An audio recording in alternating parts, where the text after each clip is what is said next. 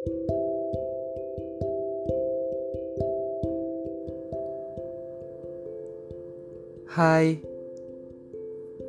dalam hidup ini kita selalu berkomunikasi dengan orang lain di sekitar kita.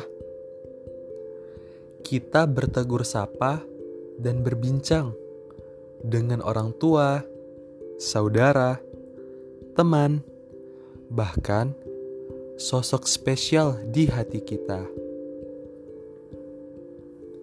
Ya, kita adalah makhluk sosial yang tidak mungkin hidup sendiri. Kita membutuhkan orang lain untuk bersosialisasi dan melakukan banyak hal dalam hidup kita. Terkadang kita menceritakan hal-hal lucu yang kita lihat di sosial media, membahas berita yang ramai jadi sorotan, serta apa pun yang menarik untuk dijadikan bahan obrolan.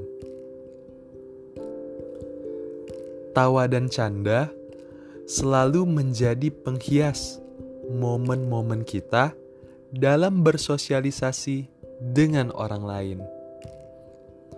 Bahkan, melihat seseorang tersenyum dapat membawa kebahagiaan tersendiri. Akan tetapi, kita juga tidak pernah luput dari kesalahan. Perkataan ataupun perbuatan tidak selalu berkenan dan sopan. Mungkin candaan kita yang menyinggung perasaan teman mungkin juga gerutu dan keluhan kita yang menjengkelkan hati orang tua. Atau yang terjadi malah sebaliknya. Ketika temanmu bercanda terlewat batas yang akhirnya membuatmu marah, atau perlakuan orang tua kepadamu yang membuat hatimu kecewa. Dalam kondisi yang tidak mengenakkan seperti ini, kita dihadapkan dengan keruhnya suasana hati. Entah apa yang bisa kita lakukan untuk mendapatkan maaf dan menghibur seseorang yang kita sakiti. Entah bagaimana cara melapangkan dada tanpa sedikit pun rasa dengki ketika kita yang tersakiti.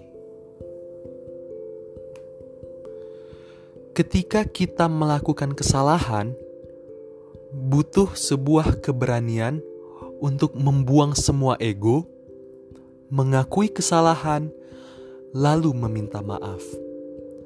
Tentu, dengan janji tidak akan mengulanginya lagi, dan berusaha menghibur hati yang sedang bersedih.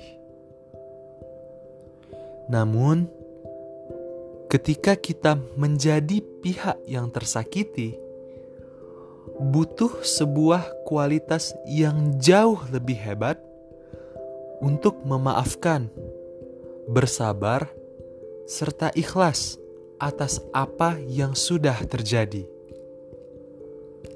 Jangan sampai ada rasa benci yang bersarang di dalam hati. Doakanlah mereka yang menyakitimu agar tidak mengulanginya lagi, dan jadikan hal itu pelajaran yang berarti, agar tidak akan ada hati yang kamu lukai.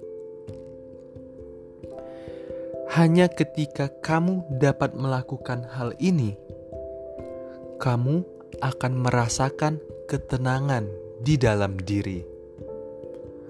Ketenangan yang sejati karena telah berdamai dengan dirimu sendiri, bahkan dengan seseorang yang sesungguhnya sangat kamu sayangi. Tetaplah berkomunikasi dengan penuh cinta dan kasih ya. Terima kasih telah mendengarkan episode ketiga tentang memaafkan untuk ketenangan. Selamat berbahagia.